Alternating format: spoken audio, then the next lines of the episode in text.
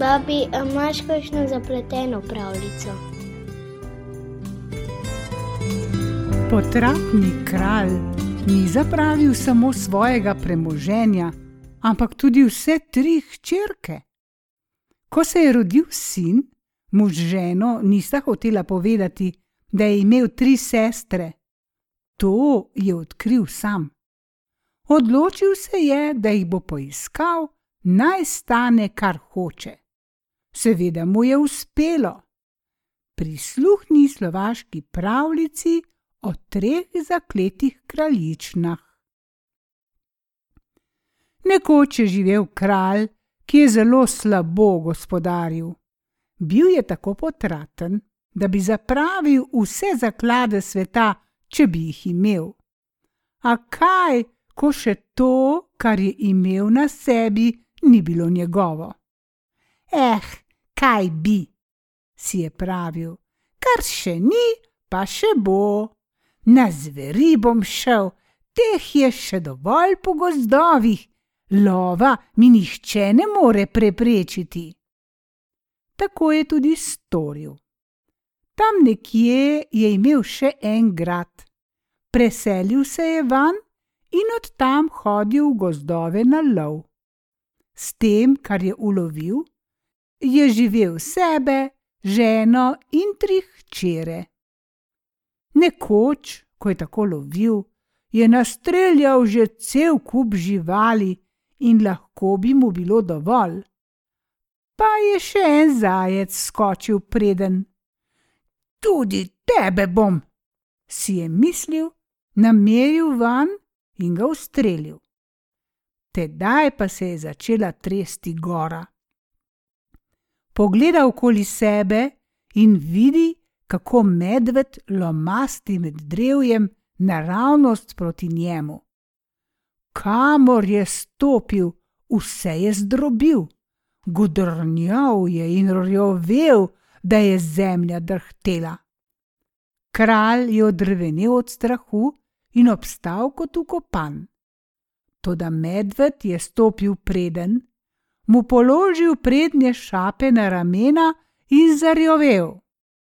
A ti si tisti, da bom že stresel iz hlač. Kako si upaš uničevati moje podložnike?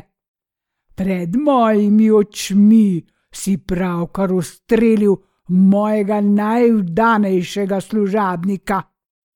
Zato boš dal ali svoje življenje, ali pa mi obljubi svojo hčer za ženo. Čez štirinajst dni bom prišel po njo. V medvedjih šapah se ni imel kaj obotavljati, zato je obljubil medvedu hčer in ta ga je spustil. Doma kralj ni rekel ničesar, samo hodil je okoli, kot da mu svet smrdi, saj več ni smel na lov, pa tudi s hčerjo ni vedel, kako bo. Kar tako je le ni hotel dati medvedu. Na štirinajsti dan je postavil močno stražo okoli gradu, da bi streljala, takoj ko bi še tako majhna žival prišla blizu. 14. dne je bilo prav do povdneva vse mirno. Šele opoldne pridrvi na dvorišče dvanajst gospodskih koči. Iz prve stopi mlad knes, iz ostalih pa druga gospoda. Za njimi so služabniki nosili v grad dragocenosti, češ, to so darovi za nevesto in njene starše. Knez se je poklonil kralju, kraljici in kraljičnam, in njegov snubač je vstopil ter prosil za najstarejšo hčer za ženo. Niti hči, niti starši niso imeli nič proti. Razžaloščeni oče pa le reče: Saj bi kraljeva hči pristajala knezu. Toda kaj, ko sem jo moral obljubiti mrcini medvedu in prav zdaj je čas, ko naj si ta zverina pride po njo. Hej, kaj boste z medvedom? Živali je vendar ne boste dali.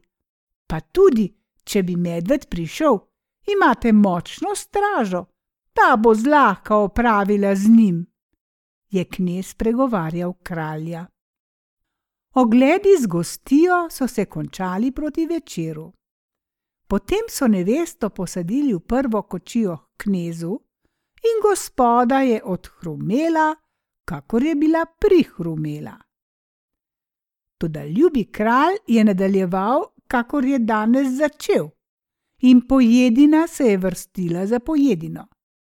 In sčasoma se je znašel tam, kjer je že bil, v revščini. Ni mu bilo treba niti razmišljati, kaj naj stori, spet se je oprijel lova. Ampak zdaj ni več streljal na gozdne živali, da ne bi naletel na medveda, lotil se je ptičev. Nekaj časa mu je šlo dobro od rok. Nekoč je opazoval, kako se pred njim preganjata dva jastreba. Malo pomisli, nameri, ustreli in med letom zadeta jastreba sta mu padla pred noge. Takrat pa zabučijo gore, vrhovi dreves se lomijo in kralju se spusti na pleča silen orel, ki zaupije. Iskrempljav se mi nič več ne zmuzneš. Kako si upaš uničevati moje podložnike? Pravkar si pred mojimi očmi ustrelil dva najboljša vojaka. Za nju mi boš dal življenje, ali pa mi obljubi srednjo hčer za ženo. Čez štirinajst dni bom prišel po njo. Iz orlovih krempljev ni mogel ne sem, ne tja. Obljubil je orlu hčer in ta ga je spustil. Doma kralj ni rekel ne bele, ne črne. Le hodil je s pobešeno glavo naokrog kot da mu ni več za ta svet. Zdaj niti na ptice ni smel več streljati. Sklenil pa je, da hčere orlu ne bo dal, ko že starejša ni vzela medveda. Na štirinajsti dan je postavil močno stražo, ki je nenehno gledala v nebo nad gradom, če se mu bo kaj približalo. Na nebu pa nič niti ena sama krila niso zašuštela. Opoldne je nenadoma pridrvela na dvorišče gospoda z dvanajstimi kočijami. Iz prve kočije stopi še lepši knes kot oni prvi. Iz ostalih pa stopajo dvorjani služabniki, ki nosijo dragotine v grad. Češ, To so darila za nevesto in njene starše. In knez se pokloni kralju, kraljici in kraljičnama, snubač stopi naprej in prosi srednjo hčer knezu za ženo. Nič ne bi imel proti, pravi oče. To, da prišli ste ravno v buri, ko naj bi jo prišel vzet orel velikan njemu sem jo hočeš nočeš moral obljubiti. Ej, kaj bi s tem orlom? Za žival je vendar niste vzgojili. Pa tudi, če bi orel priletel, imate postavljeno močno stražo, ki ga bo ugledala in z njim opravila. So svatje pregovorili kralja in pripravili so pojedino iz tega, kar je prinesel knez. Zvečer so nevesto posadili v prednjo kočijo k knezu, in gospoda je odhrumela, kakor je bila prihrumela. Toda ljubi kralj, kakor je z gostijo začel, tako je tudi nadaljeval. Pojedina se je vrstila za pojedino. Imeli so zabave, dokler se kralj ni znašel na slabšem, kot je bil prej. Nikomur se ni hotelo gladovati z njim, zato so ga zapustili ne samo prijatelji, ampak tudi služabniki. Ostal je le z ženo in hčerko na osamelem gradu. Na lov ni mogel hoditi niti na ptiče, čeprav se prej ni bal ne medveda, ne orla. Kaj storiti? Nečesa se je le moral oprijeti, da ne bi od gladu pomrli. Pripravil si je trnek ter z njim hodil k morju, namakat ga in lovit. Tudi ta posel mu je nekaj časa šel dobro, dokler mu ni prijel prav lep zobatec. Tedaj se je morje nenadoma razburkalo. Valovi so butali na obalo, da bi ga splaknili v vodo. Pa se je prikazal morski spak z ogromnim gobcem in zaupil: Pljusknil te bom na sredo morja, ti črviček! Ti si upaš uničevati moje podložnike. Tu pred menoj si ubil mojega najzvestejšega služabnika. Zato mi boš plačal življenjem, ali pa mi obljubi najmlajšo hčer za ženo. Čez štirinajst dni bom prišel po njo. Kaj naj bi storil? Hčer je obljubil in tako se mu je posrečilo priti na suho. Doma ni rekel ne bev, ne mev, videti je bil kot živa muka. Nisi sicer mogel niti predstavljati, kako naj bi riba prišla iz morja na visoki grad. A ga je le plašilo vse to do štirinajstega dne. Na štirinajsti dan je bilo vse mirno. Niti najrajhlejša sapica ni potegnila z morja. Natančno opoldne pa prihrumi na grajsko dvorišče dvanajst koči.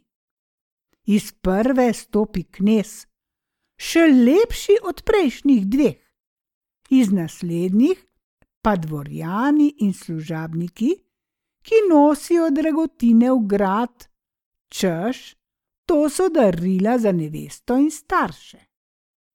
In knez se prikloni kralju, kraljici in kraljični, ob strani pa mu stoji snubač in prosi za najmlajšo hčer za ženo. Kaj naj bi imel proti, pravi oče trpeče. Ampak z našo hčerjo moramo drugače ravnati. Hočeš, nočeš, sem jo moral obljubiti spaki, ki me je hotela pljusniti v morje. Ob nepravi uri ste prišli, ko naj bi ta ogaba ravno prišla po njo. Eh, kaj bi tisto? Ura je že mimo, pa saj tudi ne mislite, da bi riba, ki ne more biti brez vode, prišla kdaj na ta vaš visoki grad človeškega obličja vendar ne boste dali živali. Mi smo bili prvi in ustrajamo pri svojem. Tako in drugače so svatje pregovorili kralja, in mladenka je bila vesela. Začelo se je slavje, da je bilo bučno vse do večera. Tedaj so nevesto posadili k prelepemu knezu, in gospoda je odhrumela, kakor je bila prihrumela. Grad je ostal prazen, kralj in kraljica pa sama v njem. Tisto noč je kralj drugače premislil. Dovolj mu je bilo zapravljanja, revščine in muke z življenjem. Zjutraj je ostal drugačen, kot je bil včasih, in zares se je skesal. Obžaloval je, ker je hčere kar tako prodal in jih poženil, da še sam ne ve, kam in komu.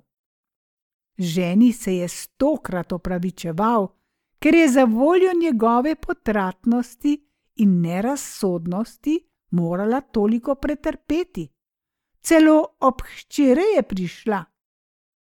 Kar sta dobila darov, sta jih zamenjala za denar in poplačala dolgove, najel je poštene služabnike, na dvor je poklical pogumne ljudi, ter odslej začel, kakor je treba deželi vladati in gospodariti.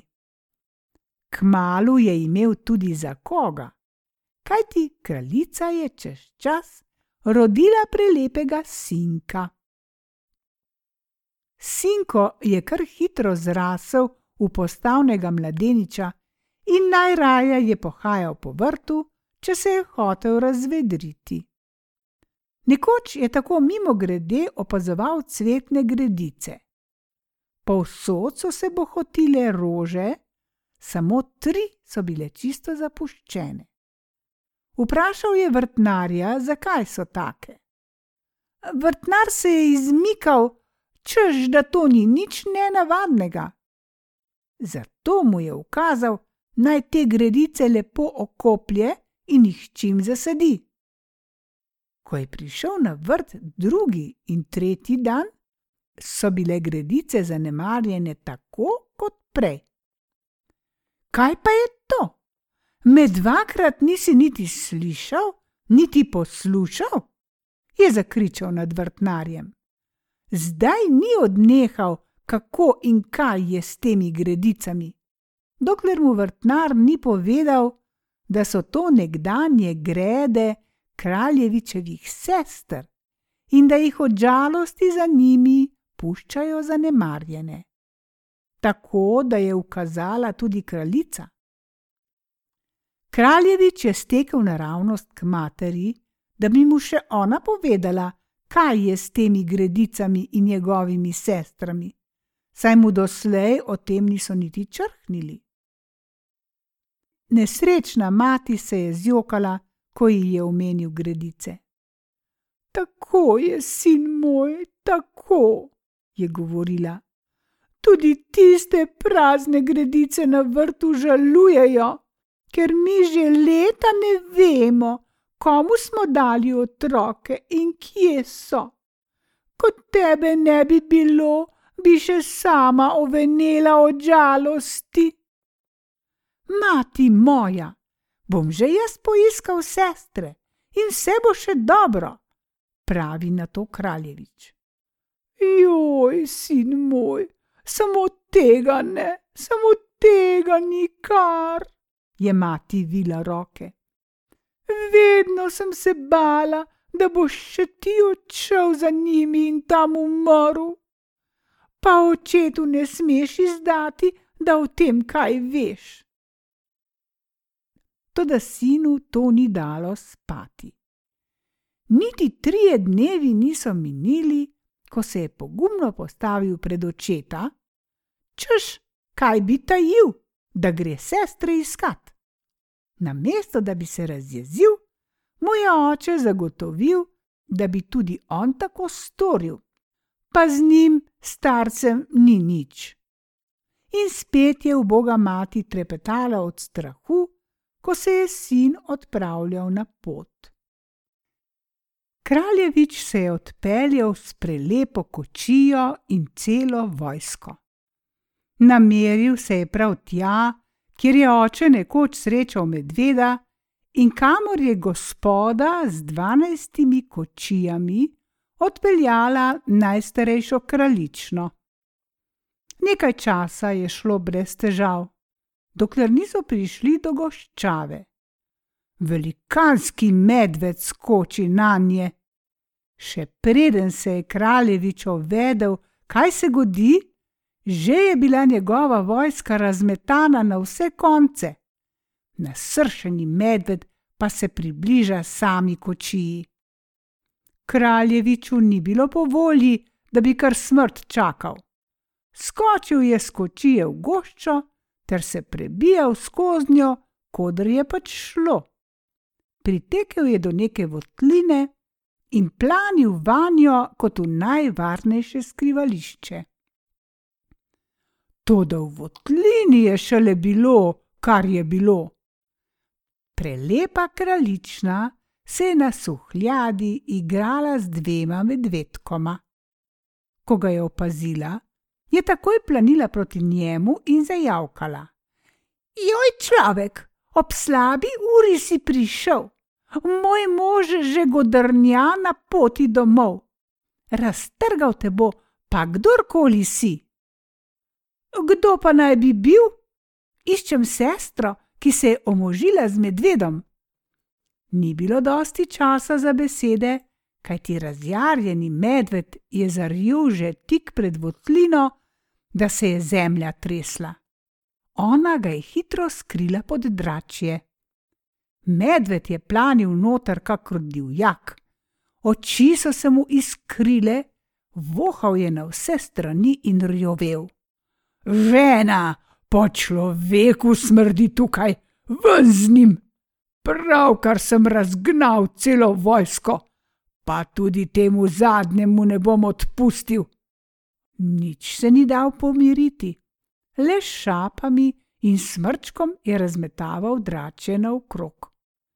Kraljeviča je že držal za nogo, tako da ta od strahu ni vedel, kaj naj stori in kaj se z njim godi. V strahu je omedlel in zaspal od utrujenosti. Čez čas si je pomel oči, le kje se je znašel?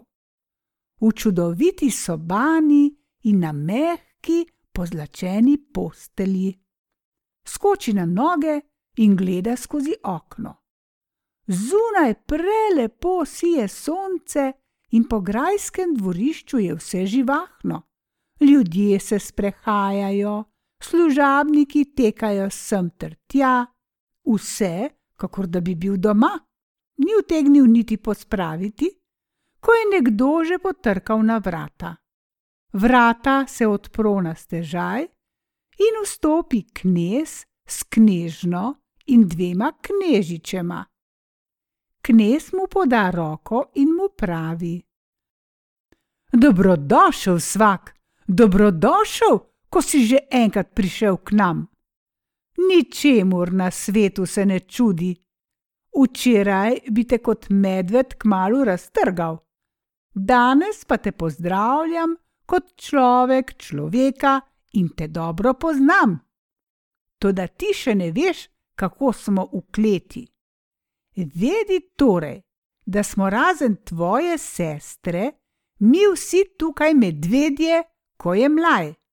Ko pa luna sveti, smo ljudje, kot nas zdaj le vidiš.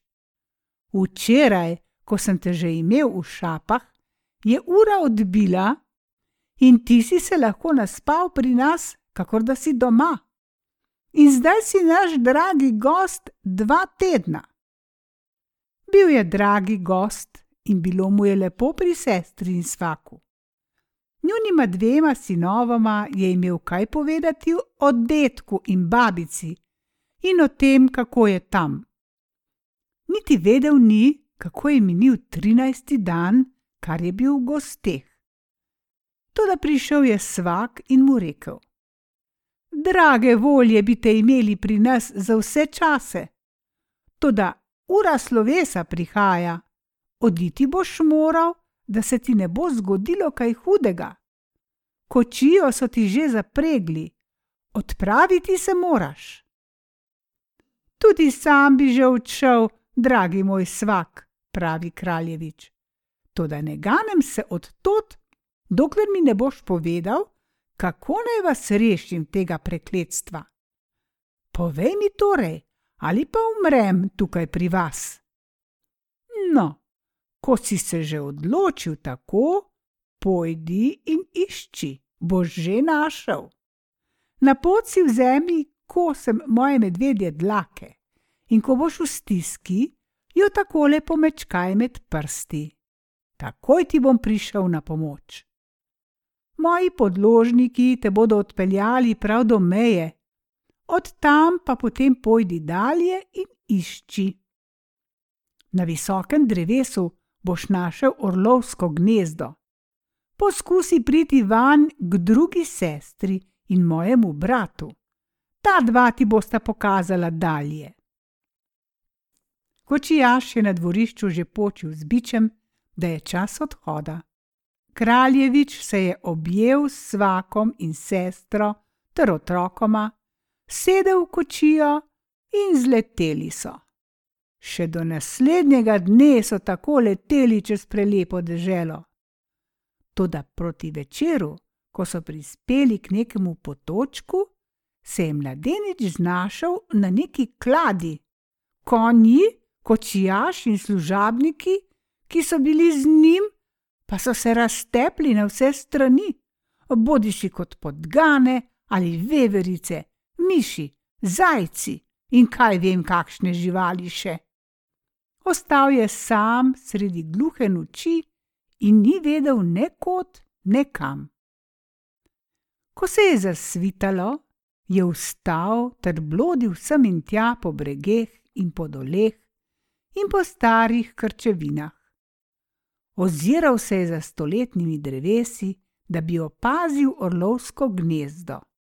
Dolgo ni bilo ničesar, pred večerom pa je nenadoma opazil na visokem drevesu gnezdo. Prebil se je do njega in splezal gor.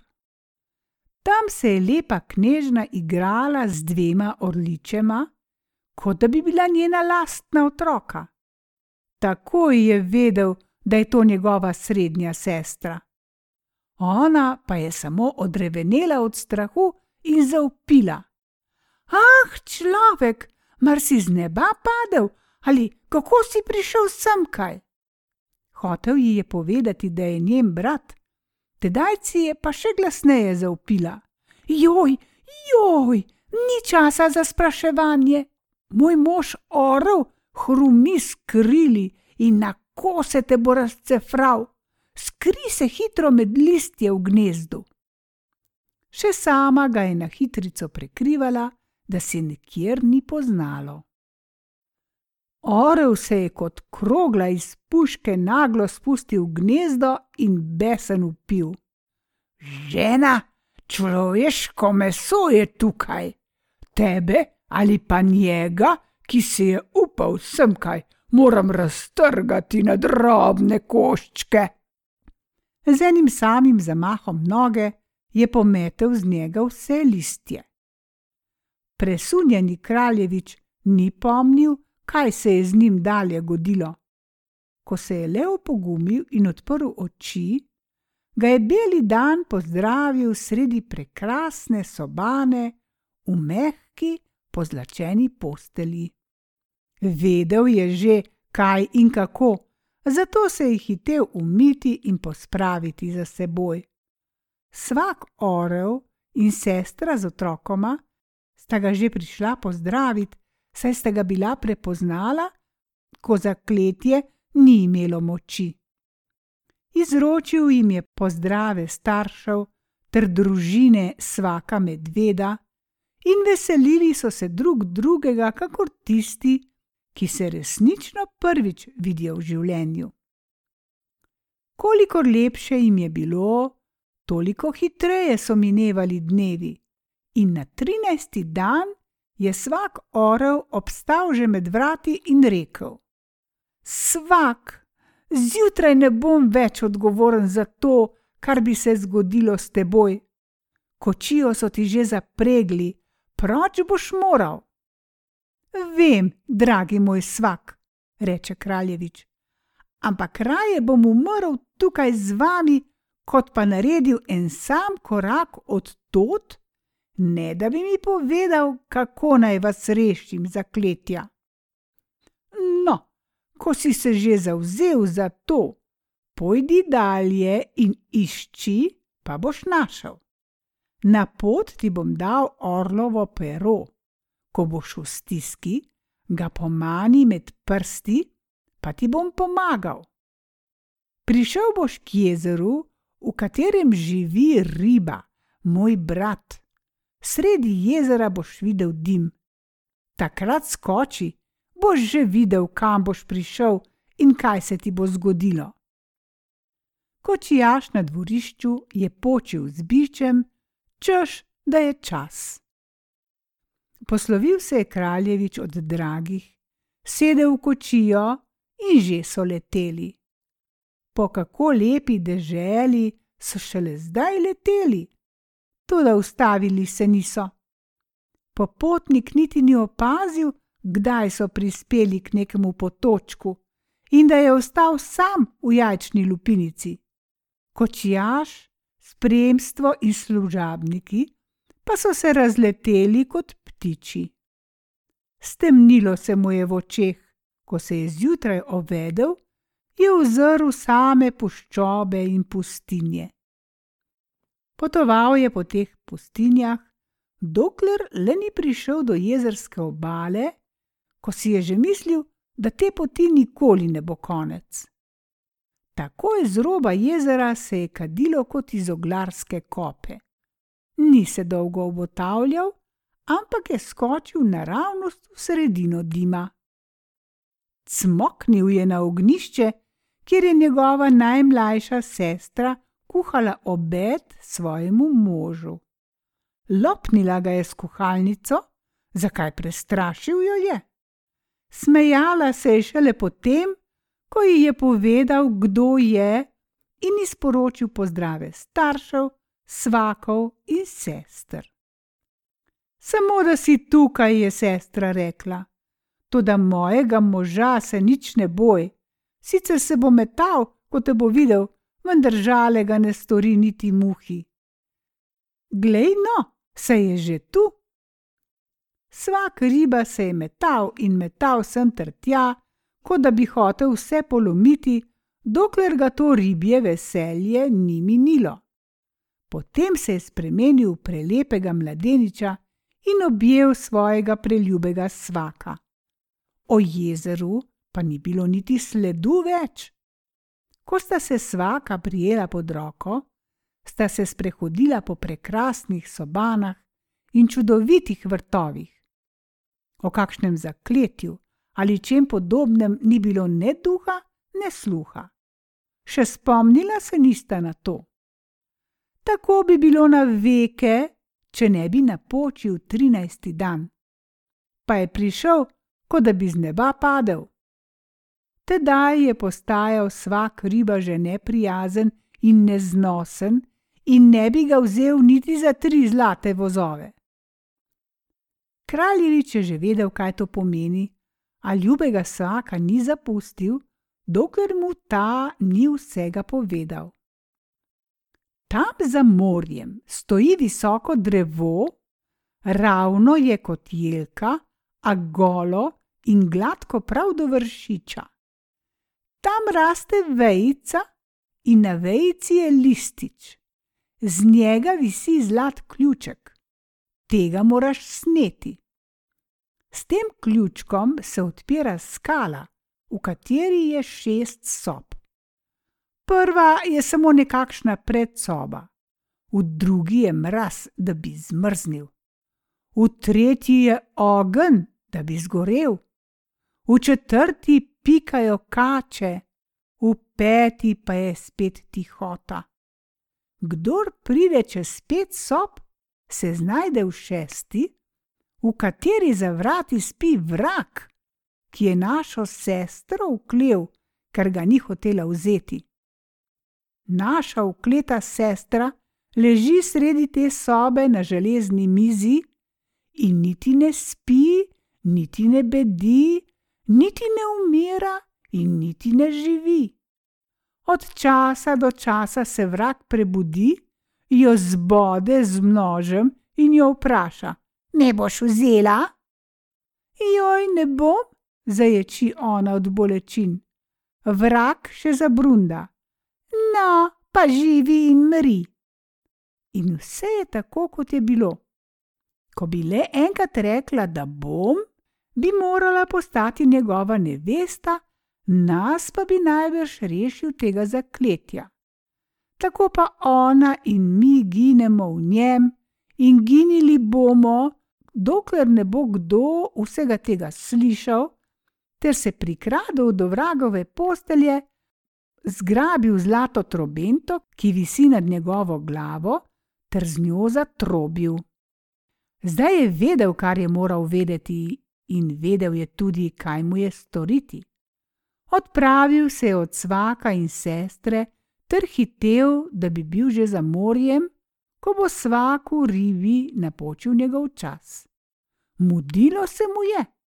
Z eno nogo je bil še v zakletem jezeru, ko je ura odbila. Naglo jo je izvlekel in jezero se mu je razlilo za hrbtom. Glej, na obali je raslo drevo prav do neba. Grče na njem nobene, niti da bi se lahko česa oprijel. Pljunil je v roke, objel z nogami deblo, toda komaj je priplezal malo više, že je zdrknil na tla. No, nič za to. Tudi to mu je bilo v poduk.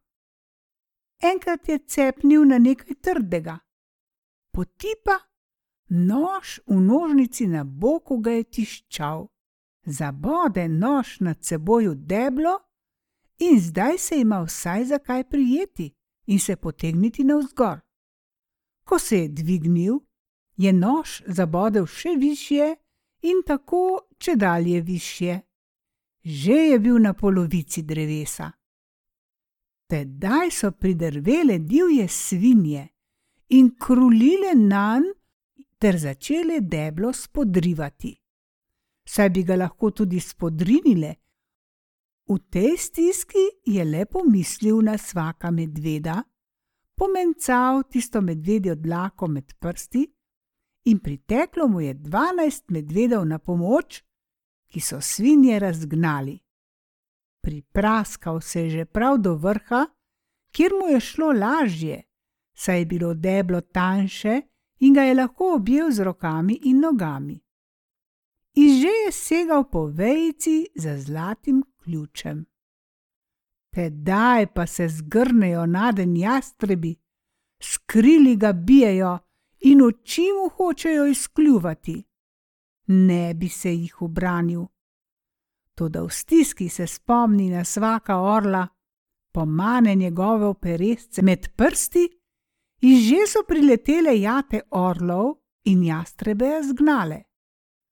Tako je le dosegel ključ in se z njim srečno spustil na tla. Skala se je uspenjala pred njim. Toda kako do nje, kje naj jo odklene? Tam bi tuhtal in nič potuhtal, če ne bi kakor po naključju zadev s ključem ob skalo. Ta se je razprla, takoj ko je zlati ključek zacingljal ob njej.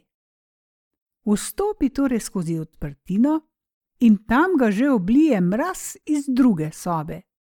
Misli si, ali naj se da zmrzniti in potem speči, če bo v tretji sobi taka vročina, kot je v drugi mraz. Ej, pomisli, najprej se odloči, potem pa skoči. Zaletel se je in hkrati pretekel štiri sobe, ter se šele v peti ustavil. En bok mu je zmrznil, drugi opekel, spredaj in zadaj pa so ga popikale kače. Ampak vse se mu je zacelilo v peti sobi, kjer je bilo tako tiho, da se ne da povedati. Poišče vrata v šesto sobo, gleda vanjo in posluša. Tam zadaj za vrati je na posteli res ležal vrak, in nad njim je visela zlata trobenta. Sredi sobe leži v železni krsti mladenka, bleda kot smrt, in niti ne živi, niti ne umira. Pa udari dvanajsta ura. Vrak se dvigne in jo zbode s konico ostrega meča. Me boš vzela? Ne, ne bom, zajavka mladenka. Vrak komaj še utegne dodati: No, pa živi in mri. Kaj ti pogumni mladenič za njegovim hrbtom skoči k posteli in seže po zlati trobenti. Vrak se zažene z ostrim mečem, da bi mu odsekal roko, Toda mladenič roko odmakne in zatrobi strobento, da zakletje izgubi moč. Kot da bi sto gromov tresnilo, tako se je razletela ogromna skalnata pečina in vrak se je ustrašil. Komaj se je mladenič ozrl, kaj se okoli njega godi, že je na mesto pečine stal velikanski odčarani grad, na mesto pustin in gora, pa prelepo mesto in čudovita pokrajina. V palači ni bil z mladeničem nihče drug, kot samo oživela mladenka, lepa kot angelček, rdeča in dehteča kot vrtnica, lahka kot srnica, ljubka kot golobica. In najprej zaprhuta okoli mladeniča.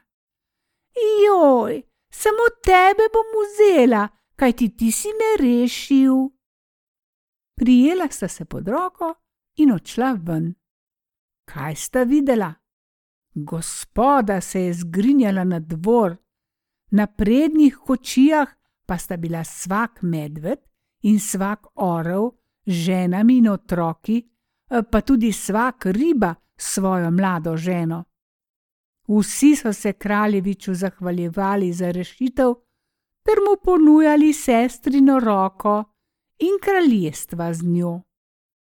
Vse ljudstvo se je veselilo in blagoslavljalo mladega kralja in kraljico.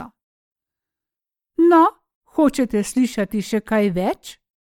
Vsi so šli, kakor so se tukaj našli, lepo z roko v roki k staršem, ki so čakali samo še na to. Tam so šele pripravili gostijo, za kakršno ni in ne bo svet nikoli več slišal.